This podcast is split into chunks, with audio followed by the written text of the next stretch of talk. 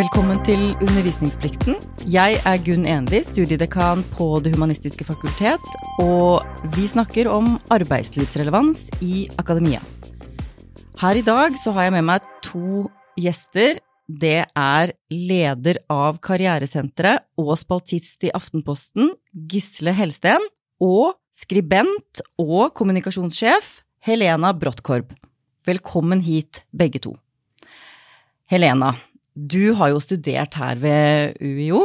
eh, Og du sa til meg tidligere i dag at det er så fint å være tilbake Ja. på, eh, på Universitetet i Oslo og Blindern. Hva slags minner er det som dukker opp i hodet ditt eh, når du kommer hit? Det er en sånn deilig ro, tror jeg. Eh, en sånn rutine av å ta trikken opp hit, gå inn, lese og møte liksom hyllemeter med de største tenkerne. Og så kommer du ut i arbeidslivet etterpå og bare må forholde deg til banale ting hver dag. Nei da. Men det, var, det er jo utrolig privilegert, da. Å ha liksom fått fem år av sitt liv til å liksom sitte her oppe og lese i ro og mak. Det er så fint her òg. Ja. Ja, Jeg skjønner dere som bare blir værende. ja. ja. Nei, men jeg er enig med deg. Det er jo et veldig fint eh, universitetsområde. Og man trives jo etter hvert. Ja, blir jo en, en del av eh, inventaret selv da, når man har vært her i, i mange år. Gisle, du har jo også vært her i mange år og, og sier at eh, ja, du kanskje savner studentene litt nå? Ja, jeg har vært her eh, veldig lenge. Jeg har jo studert her eh, og tatt hele graden min her. Eh, så jobba jeg noen år ute, og så har jeg vært her egentlig siden 2005. Eh, og ja, jeg savner studentene veldig. Eh, Jeg er veldig glad vi har teknologi som Zoom og Teams, og det reddet, oss under pandemien. Men det er mye finere å kunne snakke med folk, snakke med studenter og virkelig finne ut av hva de lurer på.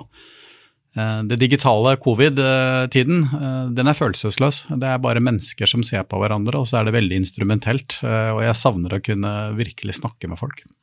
Mm, ja. Eh, For det, om det er eh, covid eller om det er eh, et vanlig eh, liksom, hverdagsliv hvor vi møter hverandre, så er jo det å, å være en del av et universitetsmiljø veldig viktig for mange studenter. Det som er fokus i dag, og som du nevnte innledningsvis, eh, Helena, det er jo det med hva skjer når man kommer i arbeidslivet. Du er jo nå, kan jeg kalle det en liksom etablert eh, kommunikasjonssjef og skribent, har en fast jobb. Hvordan var veien fra, fra å være student til å få, få den første faste jobben? Eh, Den var veldig lang og brokete og forvirrende, vil jeg si. Eh, Jeg, har nok aldri vært en sånn veldig ambisiøs person. Eh, Jeg har ikke visst hvor jeg ville, eh, men jeg har ønsket meg at noe fint skal skje, holdt jeg på å si. Og så har jeg jo gått her og tatt en del fag som ikke nødvendigvis er rettet mot arbeidslivet, da. Kunsthistoriegraden var jo kanskje i minst grad rettet mot det, men så tok jeg det som var en nyopprettet mastergrad i museumsfag, museologi. Og da tenkte jeg sånn, nå er jeg lur, nå tar jeg noe som gjør at jeg kan få jobb i et museum i det minste. Eh, og det, det var jo egentlig veldig uvanlig, på en måte, det her på Blindern, men veldig tilsynelatende arbeidsrettet grad. Vi hadde jo da internship, og jeg fikk mitt internship på Nasjonalmuseet, som jo var veldig stas. Og i tillegg så fikk jeg en, eh, en eh, deltidsjobb på Astrup Fearnley-museet. Så jeg følte jo i aller høyeste grad at jeg var liksom på god vei. Eh, og så var ikke jeg alltid noe veldig strålende akademisk eh, stjerne. Altså, jeg fikk veldig mange dårlige karakterer i starten. Jeg husker særlig den første eksamen min som jeg, jeg skrev og skrev og skrev. Jeg skrev 25 sider, og jeg var sånn Å, jeg hadde bare liksom utlada meg fullstendig, så fikk jeg det. Det på, eh, på eksamen. Eh, bare hva faen, liksom? Det tok litt tid å knekke den koden. Men så gikk jeg heldigvis ut med mastergrad med karakter A. Og det var superstas. Jeg husker sensorene mine sa sånn herre Noen må ansette deg, dette er dritbra. Og jeg hadde selvtilliten på topp. Eh, og så kom jeg ut der, og så var det ingen som ville ha meg. så Ja, dette var jo eh, et slag i trynet, vil jeg si. ja, Hva, det var det. Hva gjorde du da? Ehm, nei, jeg fortsatte å søke, da. Søke, søke, søke. Søke Søke på, på jobber som jeg egentlig innerst inne ikke hadde så veldig lyst på, som jeg i tillegg da fikk ikke fikk. Som var sånn dobbel, dobbel avvisning, på en måte. Men eh, til slutt så ga det jo resultater, da. At jeg kastet meg uti der og liksom Jeg tror det som hjalp meg, for å være helt ærlig, var det at jeg klarte å, å lære meg mitt eget håndverk, som ble skriving. Eh, så jeg ga ut en mammabok om fødselsdepresjon, som ble litt sånn katalysatoren for at jeg fikk, ble spurt om å skrive for aviser osv., eller dameblad, alt mulig, kunstmagasiner, alt. Eh, og det er jo noe man ikke tjener en dritt på. Man sitter jo kanskje lenge og jobber med en sak, og så selger man den, og så får man liksom 5000 kroner, da. Det er ikke noe å leve, leve av. Jeg fikk også to Nei, jeg fikk også et barn da jeg studerte her, og jeg har to til nå. Så det er jo ikke liksom bare bare å være frilansskribent. Men litt sånn tilfeldig, da, sånn som det ofte skjer, eh, så havnet jeg i en jobb i en helt annen bransje, hvor jeg fikk bruke håndverket mitt, tekst, sammen med en gjeng folk som ikke kunne noen ting om språk og tekst og kommunikasjon. Så nå jobber jeg i eh, teknologibransjen sammen med en gjeng eh, utviklere og gründere som lager et finansprodukt, faktisk, som jeg er med på. Eh, så det er veldig gøy, og endelig har jeg fått meg en jobb. Og det fineste med det er egentlig bare å føle at, man, at det er noen som trenger deg om morgenen. For det tror jeg kanskje ikke selv når man går på Blindern, så føler man jo ikke det. Det var jo fem år med å komme opp hit, og så sitter man jo helt alene. Og jeg har elsket det, og jeg har vært en veldig selvstendig student og person sånn sett, men jeg har liksom alltid, alltid savnet det, da. Når du går rett fra Blindern, og så blir du frilansskribent så er du jo på en måte alene, og ingen er sånn derre Å, Helena, nå må du skrive den spennende saken om Ingen sitter jo egentlig og venter på at du skal gjøre det, men å liksom ha den følelsen av at du er nødvendig hver dag, og at noen sitter og venter på deg, og at man bygger noe sammen, og at man har noen å kaste ball med, det tror jeg liksom er omsorgen i et arbeidsliv som jeg tror egentlig var det jeg alltid lengtet etter. Ja, Det høres jo veldig fint ut, og at det med å være en del av noe er det som, som gjør liksom hele forskjellen fra å være student eller å være selvstendig som frilans og bare avhengig av seg selv, og selvdisiplin, da. Det høres ut som du har hatt det, og at du har gjort de riktige tingene ved å ta praksis eh, der du har fått muligheter til det og sånn. Men selv med disse forutsetningene så hadde du en vanskelig periode. Mm. Mm. Gisle, hvordan tenker du om det du hører? Er det, er det litt sånn typisk for studenter i dag? Er det sånn overgangen til arbeidslivet vanligvis skjer? Altså, særlig da for folk som har studert. Eh, ikke profesjonsstudiene som eh, medisin og, og juss, men, men, de som velger en litt sånn eh, eh faglig vei, altså hvor man følger interessene sine og studerer et disiplinfag. Eh, både ja og nei, men eh, litt sånn dessverre så er jeg altfor vant med å høre den type historier som, eh, som, vi hører nå. At det er vanskelig, og at man bruker tid, og at man kanskje til og med får litt dårlig sjøltillit og søker på jobb man egentlig ikke vil ha, som man kanskje føler seg overkvalifisert for, for jeg må jo bare få noe. Så ja, vi møter det eh, en del. Eh, og det virker jo som du har gjort nesten alt riktig, da. Altså du har fått deg en grad, du har fått gode karakterer, du har vært ute i arbeidslivet, fått internships. Dette skulle gå. Men så er det, hvis vi bruker økonomispråket, da, så er det dette med tilbud og etterspørsel. Eh, og det er arbeidsgiver som får lov til å definere etterspørselen, og det er veldig sjelden de tør å se veldig utradisjonelt på hva de ansetter, så har man ikke ansatt en eh, som har kunsthistorie eller studert eh, museologi osv., så, videre, så tør man kanskje ikke gjøre det første gangen. Så bare i kraft av at du er en som har fått til det i finansbransjen, kan også være med på å bryte vei for andre, så, så det er viktig. Uh, og så er det dette her med karriere, da. Det, det, er en utrolig sterk verdi i det norske folk. altså Det er det første vi prater om når vi møter noen nye. Uh, hva driver du med, av, hvor jobber du? altså det, det, er en veldig sterk identitetsdriver. Så det å føle seg hjemme et sted, at noen ønsker deg om morgenen, at noen savner deg hvis du ikke kommer, det er klart det er viktig. Og da blir det jo litt sånn dobbelt vondt da, når man har uh, masse venninner og venner som har lykkes, og så lykkes ikke du. Så ja, eh, overgangen er vanskelig for mange. Men så er det også viktig å legge til, det går også veldig bra. Altså, de aller, aller fleste får jobb, og de aller, aller fleste får relevant jobb, men det er litt broket eh, overgang for veldig mange. Mm. Men føler du at du er eh, på plass nå, og det er liksom sikkert resten av kan du si, karrierelivet, eller, eller føler du at dette er At den, den usikkerheten fortsatt er der hos deg? Altså, jeg tror nok jeg skal klare meg, men det er klart, den startupen som jeg jobber i, Folio, vi jo, går jo 13 millioner i minus hvert år. eh, vi prøver på noe helt nytt, ikke sant, eh, og vi skal lansere det i markedet og få investorer til å tro på at uh, dette kommer til å revolusjonere livet for små bedrifter. Og det er jo liksom på en måte sånn Folk skal tro på deg, du skal ha tid til å bygge ferdig det du skal, og så skal det gå bra, men det kan jo også kollapse. altså sånn. Så det er jo en, uh, i akkurat den stillingen jeg har, hvor vi prøver å bygge noe helt nytt, uh, og, og, selge en idé og bygge noe, ja, så er det jo Det er jo veldig usikkert. Folk, folk, så det er jo en helt annen eh, hverdag enn den jeg trodde jeg skulle havne i. Jeg tenkte eh, staten, kommunen, eh, sånn som man ofte gjør når man studerer på HF. Så det er bare en dag preget av usikkerhet på mange måter. Jeg syns egentlig det er litt deilig òg. Eh, men, men, eh, men, situasjonen er sånn Alt kan skje, men jeg har jo mye større trygghet i meg selv. Og det handler jo om at jeg har fått bevist at jeg kan lære nye ting, og, og at, jeg, at, noen trenger meg. Altså sånn, jeg tenker at jeg skal Nå har jeg vært eh, der i tre år, jeg, jeg tror, og jeg, har mye å vise til. Så, så, det gir meg jo selvtilliten på at hvis ikke dette prosjektet her flyr, så er det sikkert noen andre som har lagt merke til at jeg kan gjøre jobben. Jeg håper det. Ja, og du har jo uh, markert deg på mange områder uh, i tillegg, som du nevnte det å være frilanser uh, og å være skribent. du har jo også muligheten til å kalle deg selv forfatter, for du har jo utgitt flere bøker. Og Eh, grunnen til at jeg inviterte deg, var også at du har skrevet en bok som heter Svarteboka for deg som vil opp og fram. Som mm. jo er litt sånn nesevis og, og modig i tittelen. Den har du mm. skrevet sammen med Ida Jackson. Mm. Eh, og den er vel i sjangeren karriereguide. Eh, kan du fortelle litt om hvorfor du skrev den boka, og, og hva den handler om?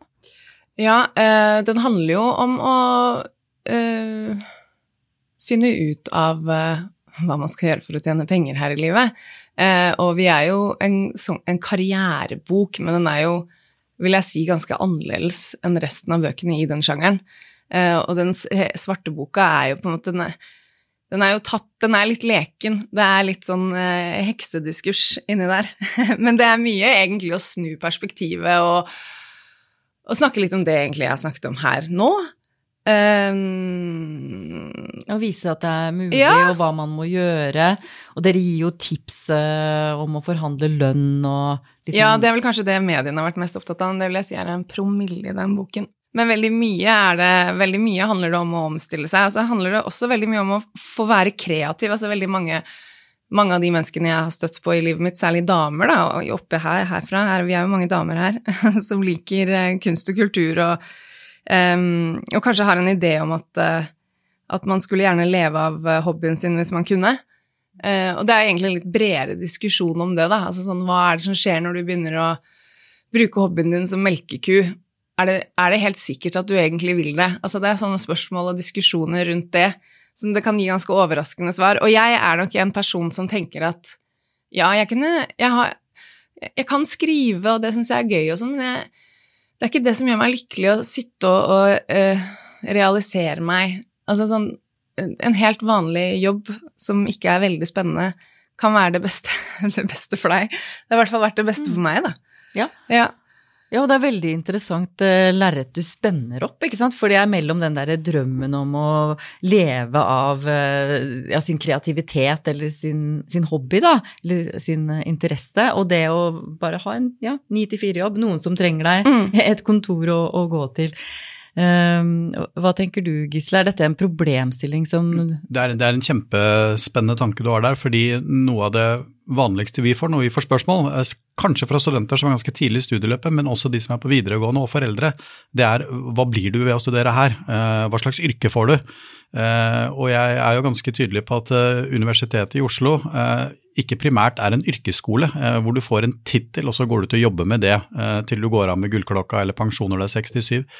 Så det er en ganske stor øvelse er å snu hodet sitt fra uh, hva du skal bli, til hva du skal gjøre. Uh, og da kommer vi over til disse ferdighetene, og du behersker en av dem tydeligvis veldig godt, skriving. Og jeg skal bli veldig imponert hvis du klarer å nevne én norsk arbeidsgiver som ikke har skriving som et element uh, i virksomheten sin. Og det er kanskje sånn vi kanskje skal formidle budskapet til de som er studenter nå. Ikke ha så innmari fokus på akkurat hva du skal bli, men ha mye sterkere fokus på hva du skal gjøre. hva du trives med, hva du mener du kan bidra til med arbeidslivet.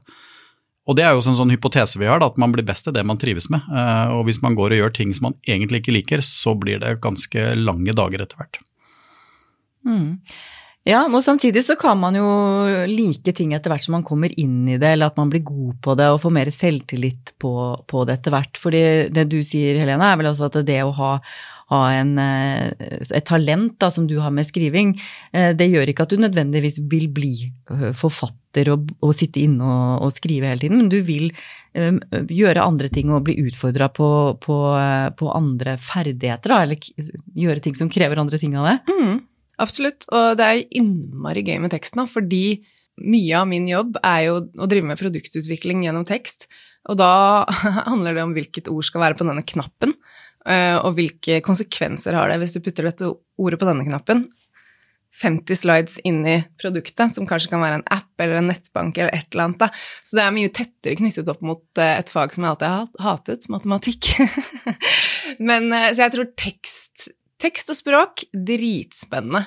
Og, og, teknologibransjen er desperat etter det, og det er et helt nyopprettet uh, fag, egentlig, det uh, altså, man har jo hatt copywriters i reklamebransjen hele veien, og man tenker kanskje ja, skal man skrive selgende tekster og nettside, og, og, det er også en del av det, men en veldig mye voksende andel av det er, er nå egentlig produktutvikling, da. Det, og det syns jeg faktisk har vært overraskende gøy, og en helt annerledes og ny måte å jobbe med ord på, da. Ja, det høres jo veldig, veldig Altså, utviklende ut for deg å møte den teknologikompetansen. For der, der, trenger man jo tekstkompetanse, også på en helt annen måte. Veldig, og de trenger humanister, fordi uh, vi, har, vi, vi, kan få så utrolig mye fint herfra som handler om en, en estetisk forståelse. Uh, som det er jo Det er jo Det skal jo være en en psykologisk og et estetisk element i alle gode software-produkter i dag. Og det er sånn man er, man er kanskje ofte alene, og det er mye som handler om uh, for eksempel det produktet mitt, da, det om Det er for, for daglige ledere som jobber alene og kanskje har et stort følelse av ansvar, og det er mange oppgaver de ikke vil gjøre, men som de må gjøre. Og det handler om å følge dem i den uh, Møte de der de er psykologisk, og forstå sånn at her, her kan man kanskje bruke humor fordi dette er en utrolig kjedelig ting. Eh, her kan man kanskje bruke humor gjennom språk og bilde og, og, være liksom morsom og ha glimt i øyet. Og andre ganger kan man ikke det. Ikke sant? du kan ikke skrive en, melding, en push-melding som er sånn 'Ugler i mosen, noen har svindlet deg'. Da er det ikke riktig med humor. eller, eller, sånn når folk lurer på om pengene har kommet mm. frem, altså ting som det der. Så det er kjempegøy. Det er liksom et stort sånn da skal du ha ganske sånn god forståelse for, eh, for mange ting, da. Og der tenker jeg liksom humanister eh, stiller sterkt. Ja, det høres, eh, det høres sånn ut. Eh, jeg ble veldig nysgjerrig på det. Knappen, vil du nevne et eksempel på hva som skal stå på knappen, hva slags ord det dreier seg om da? Det er jo knapper for å Det kan enten være knapper som du må trykke på fordi du skal komme videre, eller det kan være en knapp som bare gir deg en eh, bekreftelse på at du har gjort noe, eller at du føler at du har avsluttet noe, at du er ferdig med noe. At det ikke står og henger der, så tenker du Var det noe mer jeg skulle gjort nå? Ja. Sånn som du ofte møter de i Altinn, eller eh, hvor de ikke er så kanskje veldig flinke på dette her. Hvor de ikke har folk som er så gode på dette. Unnskyld at ja. jeg sier det. Ja, ja, ja. du får lov til til men, men, det er veldig morsomt det du sier med, med knapper og ord. da. Altså, vi, for en del, eh, et par år siden så fikk vi nytt elskap på jobben. Og der er det en knapp foran hvor det står 'ikke åpne opp denne døra'. Det er jo verdens største invitasjon til å åpne. Jeg klarer ikke å la være. Altså, det er det første jeg gjør. Det var utrolig bra, ja. Så man kan jo nudge folk til å gjøre noe ved å si at du ikke skal gjøre det. Ja. Men Det er også et triks, men det er litt avansert triks. Litt for avansert for Altinn, kanskje. For noe skal jo være veldig intuitivt og kjapt, og mm. disse ja, Det er vel sånn brukergrensesnitt og brukervennlighet. Ja. ja, ja. Som, som du, du, Så egentlig det faget heter UX writing, eh, så det handler jo om user experience eh, writing. Mm. Mm. Nettopp. Men samtidig så forteller du en veldig morsom historie. Du, du har studert kunst, og så jobber du i finans. Ja. Eh, jeg har en mastergrad i japansk politikk. Eh. Jeg jobber med CV og søknad. Eh, og det er jo egentlig det som kanskje er formidlingen man kan ha både som undervisere, men også gjennom faget. At det er et mye mer interessant spørsmål å finne ut hva du ikke kan bli, enn hva du kan bli. Ja. For det er ganske fort gjort. Ja, du jobber med CV og søknad, sier du. Altså, du er jo også spaltist i Aftenposten, hvor du gir råd til skal vi si, lesere som er i nød, eller lurer på ting eh, om karriere og yrkesvalg. Eh, hva er de liksom typiske henvendelsene du får der? Ja, altså Veldig mye av det som eh, det dreier seg om, det er ting som ikke er så bra på jobben, og de lurer seg hvordan de skal komme seg ut av en situasjon. Det, det vil jeg si er en gjenganger. Altså Om det er ugreit arbeidsmiljø, de vet ikke hvordan de skal kommunisere med sjefen, de har lyst til å bytte jobb. veldig mye går på det. Og så er det veldig mange ting rundt det tekniske da, med å faktisk Hvordan bytter man egentlig jobb? og summa summarum så er det ganske lite kunnskap om disse tingene.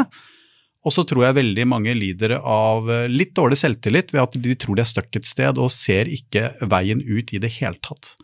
Eh, så kan en sånn som meg faktisk få en annen jobb. Eh, og det er veldig mye boosting som må til av mennesker å si ja, det tror jeg faktisk. Og det er nok veldig mange som syns mye bedre om deg enn du syns om deg selv.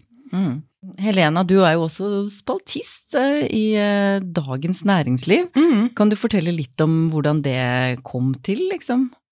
Uh, ja, nå, rett etter at jeg hadde skrevet mastergrad her, så begynte jeg jo på, på boken min 'Mammasjokket', som handlet om fødselsdepresjon og i all beskjedenhet, som sparket i gang en litt annen diskusjon kanskje om, eh, om det å bli mamma for første gang. Eh, og det er lenge siden nå. Eh, det var jo ti år siden, tror jeg, jeg fødte Hanna, og så ga jeg ut den når jeg fikk tvillingene, og det Ja, det er syv år siden. Eh, og det har skjedd mye med den diskusjonen siden da, men jeg jeg, jeg, fikk ganske mye oppmerksomhet uh, for den boken. Og den havnet på bestselgerlisten, og det var jeg, jeg, dro kanskje litt nytte av at jeg er gift med en, en ganske kjent uh, rockeartist, Sivert Høyem fra Madrugada. Så de journalistene plukket jo opp det. Det ble jo ganske Vi stilte aldri til noe intervju sammen, men jeg fikk jo mye oppmerksomhet, da. Fordi jeg hadde en kjendismann. Så det hjalp jo det. Fikk mye oppmerksomhet, og etter det så folk vil jo gjerne ha mo modige kvinner som tør å snakke om ting og vil skrive. Så sånn fikk jeg faktisk forespørsler fra flere som jeg kjente, litt sånn halvkjente, om å skrive, og det gjorde jeg. Eh, så jeg frilanset først for eh, magasinet Kunst, for Kvinneguiden og for D2, da. For jeg har jo, altså den, jeg har jo denne kunst- og kulturkompetansen som er veldig, veldig bra. Hvis man har lyst til å skrive litt om en ny TV-serie, f.eks., så har du jo masse bagasje herfra. Så jeg har brukt det dritmye. Ting jeg har lært eh, på Blindern. Det er jo liksom en intellektuell ryggsekk som du kan dra frem i alle mulige situasjoner. Så øh, gjennom det så øh, fikk jeg bevist at jeg fikk skrive. Og når jeg da begynte som kommunikasjonssjef, så ble jeg flytta opp på en litt sånn staselig plass, som er lørdagsspalten i Dagens Næringsliv som jeg tror jeg deler med seks andre nå. Jeg har vært litt av og på. Jeg tok et uh, friår fordi plutselig er man tom for ideer, og så skriver man bare møkkatekster. Men nå er jeg tilbake igjen, så neste lørdag, dere. Ja, da skal vi lese og følge med. Uh, men uh, akkurat det fenomenet med at man går tom når man er spaltist, det, det har jeg også tenkt litt på, ikke sant, og, og, og kjenner litt til, til ut ifra medie Eh, forskningen, og at det, det, å ha det presset på seg hele tiden kan... Ja, det er fælt. Mm. Uff a meg. Og det, det, åh, det, er noe av det verste jeg vet, å liksom spy ut overflødig innhold som bare er middelmådig. Det, er, det blir så deprimert av det. Men det du nevner, er, eh, siden du stilte spørsmål eh, om hva jeg skriver om. Noen ting tar veldig av, og noen ting ble ikke lagt så mye merke til. Men for et halvt år siden så svarte jeg på om eh, en kvinne bør eller ikke bør fortelle at jeg er gravid på intervju. Og jeg trodde vi var kommet ganske mye lenger i 2021, men den saken eksploderte. Og det skjønner jeg. Eh, wow. Eh, og det svaret jeg ga, det bare det tok helt av, og det gikk på diskusjonsforum. Aftenposten har aldri solgt så mange abonnementer etter at den saken begynte å rulle og gå. Så, så det at kvinner blir gravide, det er fortsatt et stort, stort tema. Oi, oi. Det der er nok et eksempel på sånne ting som man ikke sier sannheten om. Det er en typisk sånn jeg kjenner veldig mange feminister, eksempel, uh, og mange av dem vil si offentlig at uh, det skal man jo selvfølgelig, men de ville aldri gjort det selv. Eller rådet venninnene sine til å gjøre det motsatte. Altså, det er en typisk sånn et, et supert eksempel på det. Men hva var svaret ditt? Du, vet du hva, jeg var egentlig veldig fornøyd med svaret mitt, for jeg tok en twist eh, og sa at eh, dette er beskyttet av loven. eh, Og det betyr da at arbeidsgiver ikke skal legge vekt på det. Og det lureste man da gjør, er å ikke gi informasjon til arbeidsgiver som de ikke trenger og ikke skal ha. Da blir de nøytrale. Så jeg putta ansvaret over på arbeidsgiver og deres eh, behov for å ikke vite, istedenfor å legge valget på kvinnen, som må da forholde seg til skal, skal ikke, ærlig, ikke ærlig, hvordan blir det. Eh, og det ble, det ble det mye diskusjoner om, og det var egentlig på Kvinneforum det ble diskutert mest, for noen tok jo den der ærlighet varer alltid lengst, du må ikke lyve osv. Men vi har ikke kommet lenger. Da. Svaret var kontroversielt, men det er også kontroversielt for mange damer, da, typisk studenter som er i den alderen hvor man gjerne får barn, eh, at de går og har det som en stor eh, gnagende ting ved seg. Skal man eller skal man ikke si noen ting om det? Jeg hadde blitt rimelig snurt, må jeg si. Altså sånn, nå var jeg rett før jul med på å ansette en kvinne i en uh, veldig viktig stilling for oss, markedssjef. Uh, viktig nå når vi skal selge produktet vårt, og vi er en liten startup, liksom. Er, alle jobber uh, beinhardt, og hvis den personen da kom tre måneder etterpå og sa sånn 'jeg er gravid', altså sånn, jeg hadde syntes det vært ugreit. og det, det, hadde jeg bare. Jeg hadde syntes det hadde vært skikkelig, skikkelig kjipt. Jeg hadde bare tenkt sånn herre Seriøst, liksom! Her er det folk som har satt huset sitt i pant, for faen! Det der er dritvanskelig. Og det er sånn én ting er liksom her, da, Blindern, eller uh, andre steder, svære bedrifter, men det er også uh, Norsk næringsliv består jo av uh, bitte små bedrifter som er kjempeskjøre, ikke sant? Så det er et stort spørsmål med mange svar. Men loven er klar. Ja da. Og det var veldig bra at du viste den. Det er det, det, er det man skal. Ja, det er, og det er jo uh, mange ulike perspektiver også, og ståsteder. Men det, det viser i hvert fall at det, dette med arbeidsliv og forholdet mellom privatliv og jobb, ikke sant, karriereplanlegging og og, og, livet generelt, det, det, er ikke alltid at det, det, er to separate ting. Det går jo litt i, i ett. Og jeg, jeg, tenker på deg, Helena. Du sa at studenttiden eller den tilværelsen var noe du likte, at du hadde en ro og, mm. og, og likte veldig godt å ha den selvstendigheten. Og, så sa du at du har en intellektuell ryggsekk med deg herifra. Mm. Men er det noe også fra studentlivet som du har med deg, og, og det du konkret lærte på f.eks. kunsthistorie, som, eh, som, du har med deg også som privatperson? Som, nå tenker jeg litt på den dannelsesaspektet. Ja. Det, hvordan, hvordan, gjør det noe med deg som menneske? Er det noe, noe, ved det å studere som ikke bare handler om det å få seg jobb eller ikke jobb, og, Helt klart, og slite mye. med det, men også, også finne ut ja, ok, hva er det å leve i denne verden akkurat nå, hva er det vi driver med, ikke sant. Eh, alle disse ja. litt mer avanserte spørsmålene, har det noe betydning? Det tror jeg, men det handler jo om enda, kanskje enda større ting som handler om hvem, hva slags person vil du være, ikke sant. Og det er jo noe man finner ut kanskje i slutten av tenårene. Eh, at noe begynner å liksom vekke en interesse i deg, og du skjønner at å, sånn kan man være. ikke sant? Og jeg tror, tror kanskje at det å ta, å studere på HF eller SV eller noen av disse litt mykere akademiske fagene kanskje mye handler om det, da. Eh, hvem, hva slags person vil du være? Som er et stort, stort spørsmål. Og jeg, jeg er utrolig glad for det. Altså, det handler jo om det handler om hva slags mennesker jeg har fått lov å ha fine samtaler med, fordi man blir innlemmet i en diskurs, ikke sant? Uh, og det handler jo om å se på filmer og lese ting og ha et annet rikere, kanskje, eller ikke. Et åpent spørsmål. Måte å se verden på. Ja. Jeg vil faktisk gå enda lenger og si at dannelse er kanskje noe av det viktigste vi får i dag, og man trenger det mer enn noen gang. og Kanskje spesielt uh, humsam-fag. Altså, vi lever i en verden som preges av fake news. Vi lever i en verden på SoMe hvor man ofte måler klikk, og hvor mange som er enig med deg. Jeg pleier alltid å si at det trenger ikke være riktig selv om mange mener det. Så det å få tilbake grunnverdiene, ha den vitenskapelige tilnærmingen, faktisk vite før du hevder og påstår. Altså Samfunnet vårt er generelt litt ute å sykle når det gjelder eh, hvordan meningsdannelser er, og hva som faktisk eh, oppleves som etablerte sannheter.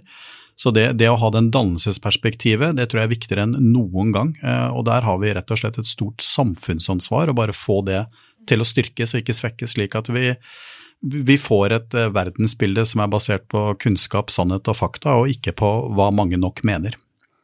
Mm. Ja, og som du sier, Helena, også handler det om identitet, hvem man vil være. Og, og som du sier, Gisle, med, med, falske nyheter, eller altså at man ikke lar seg rive med av alt uh, mulig som farer Ja, man tør å stoppe opp og si er du sikker på det? Hvor har du den kunnskapen fra? Hvor, hvor er faktaene dine i den saken? Altså det, det, stopper vi litt for lite opp ved. Mm. Så nå nærmer vi oss slutten her, så jeg tenkte jeg skulle avslutte med å spørre dere om dere har noen gode råd til oss her på, på fakultetet og på, på, UiO når vi skal utdanne studentene våre i dette perspektivet, både karriereråd og litt sånn den, den eh, hvem vil du være, identitet-biten og, og, det å være en samfunnsborger, opplyst og og interessant, et interessant menneske. Liksom. Hele pakka. Eh, har dere noen råd? Altså, Helena, først du som har studert her og er ute i arbeidslivet nå? Jeg syns jo det er veldig sånn krevende å bli spurt sånn hvordan kan akademia bli mer uh, Hvordan kan vi gjøre studentene våre mer relevante for arbeidslivet? For det er sånn Ja, men så var det kanskje ikke det vi drev med her allikevel? Eller ja, hva tenker du? Jeg tenker at det er superviktig å ha to tanker i hodet på en gang. At eh, Universitetet i Oslo aldri skal bli en yrkesskole som tilpasser seg for mye. Eh, eh, jeg tror at det er litt for mye fokus på dette resultatmålet, som er at vi skal få en mastergrad, og neste resultat er at vi skal få en jobb. Det å studere er en prosess hvor man går gjennom mange stadier, og jeg tror jeg har lyst til å gi f.eks. HF terningkast seks de siste årene for måten de har på en måte forvaltet det på det var et ganske bakstrebers fakultet ganske lenge som ikke forholdt seg noe særlig til dette med arbeidsliv, at det, det, var deres eget ansvar. Vi har sett en liten revolusjon der. Så jeg tror jo det at eh, det fakultetet som helhet skal gjøre, det er å fortsatt undervise, fortsatt ha fokus på dannelse og fagene, og så må vi bare ha noe interaksjon som gjør at dette med overgangen til arbeidsliv ikke kommer som en kjempeoverraskelse og helt ut av det blå når man er ferdig, men gjerne gjøre sånn som du gjør, og ha noen internships underveis, vise interesse og på en måte ha litt to tanker i hodet på en gang. Eh, og der har HF gjort mye. Eh, jeg vet jo det, for jeg er her veldig mye selv og underviser her og kommer med interaksjoner. Så det å få dette med jobb og karriere og sånn som en del av utdanningen, liten bit. Eh, det gjør i hvert fall at eh, fakultetet kan ivareta sin identitet som formidler av vitenskap, kunnskap og dannelse. Det, det tror jeg er kjempeviktig. Mm. Ja, og det som gjør at det er viktig for oss å jobbe med dette, er jo ikke sant, Du sier, Helena, ja, er det kanskje ikke det vi driver med her allikevel? Altså at vi ikke er noe yrkesskole, og at vi kanskje ikke bør være så opptatt av om studentene får jobb eller ikke. Det syns jeg jo er et fint perspektiv, og det er jo stort sett sånn vi har uh, holdt på her. Men så blir vi også mer og mer målt på det, og vi merker det også på søkertall. Uh, hvor mange studenter vil studere HF-fag når de ikke liksom, tror de kan få jobb i dag. Så vi ønsker jo å tiltrekke oss uh, studenter som er interessert i fagene, men også ønsker vi kanskje litt bredere tilfang av, av studenter. Altså at studentene skal få litt øynene opp for at den kompetansen og den ja, du sa det godt, intellektuelle ryggsekken eller den tekstkompetansen, at, at de skal skjønne at jo, men det er selv om ikke du nødvendigvis får et yrke eller er garantert jobb og kanskje må slite noen år, så er dette veldig verdifullt eh, å gå på, da. For vi, vi vil jo gjerne ja, styrke vår posisjon, altså ikke svekke den. Så det er på en måte derfor vi jobber med å komme i bedre dialog med arbeidslivet. Så takk for den skryten, Gisle. Ja, det, det er vel fortjent, fordi uh, faget og, og, vitenskapen dere formidler er verdifullt i seg selv. Altså den biten vi kommer inn på, det er vel kanskje bevisstgjøring av anvendelse. Og anvendelsen er så mye bredere enn at eh, man skal bare bli et eller annet. Eh, og samkjøring mellom det jeg holder på med og det fakultetet holder på med, det tror jeg er en gulloppskrift. Ja, Helena, vi skal lese spalten din i Dagens Næringsliv på lørdag. Og så vil jeg si tusen takk for at du tok turen tilbake til Blindern. Veldig hyggelig å ha deg som gjest i studio og møte deg igjen. Og du, Gisle, deg ser jeg jo stadig vekk her på campus, men tusen takk for at dere kom begge to. Og til dere som hørte på, takk for at dere følger undervisningsplikten. Vi høres.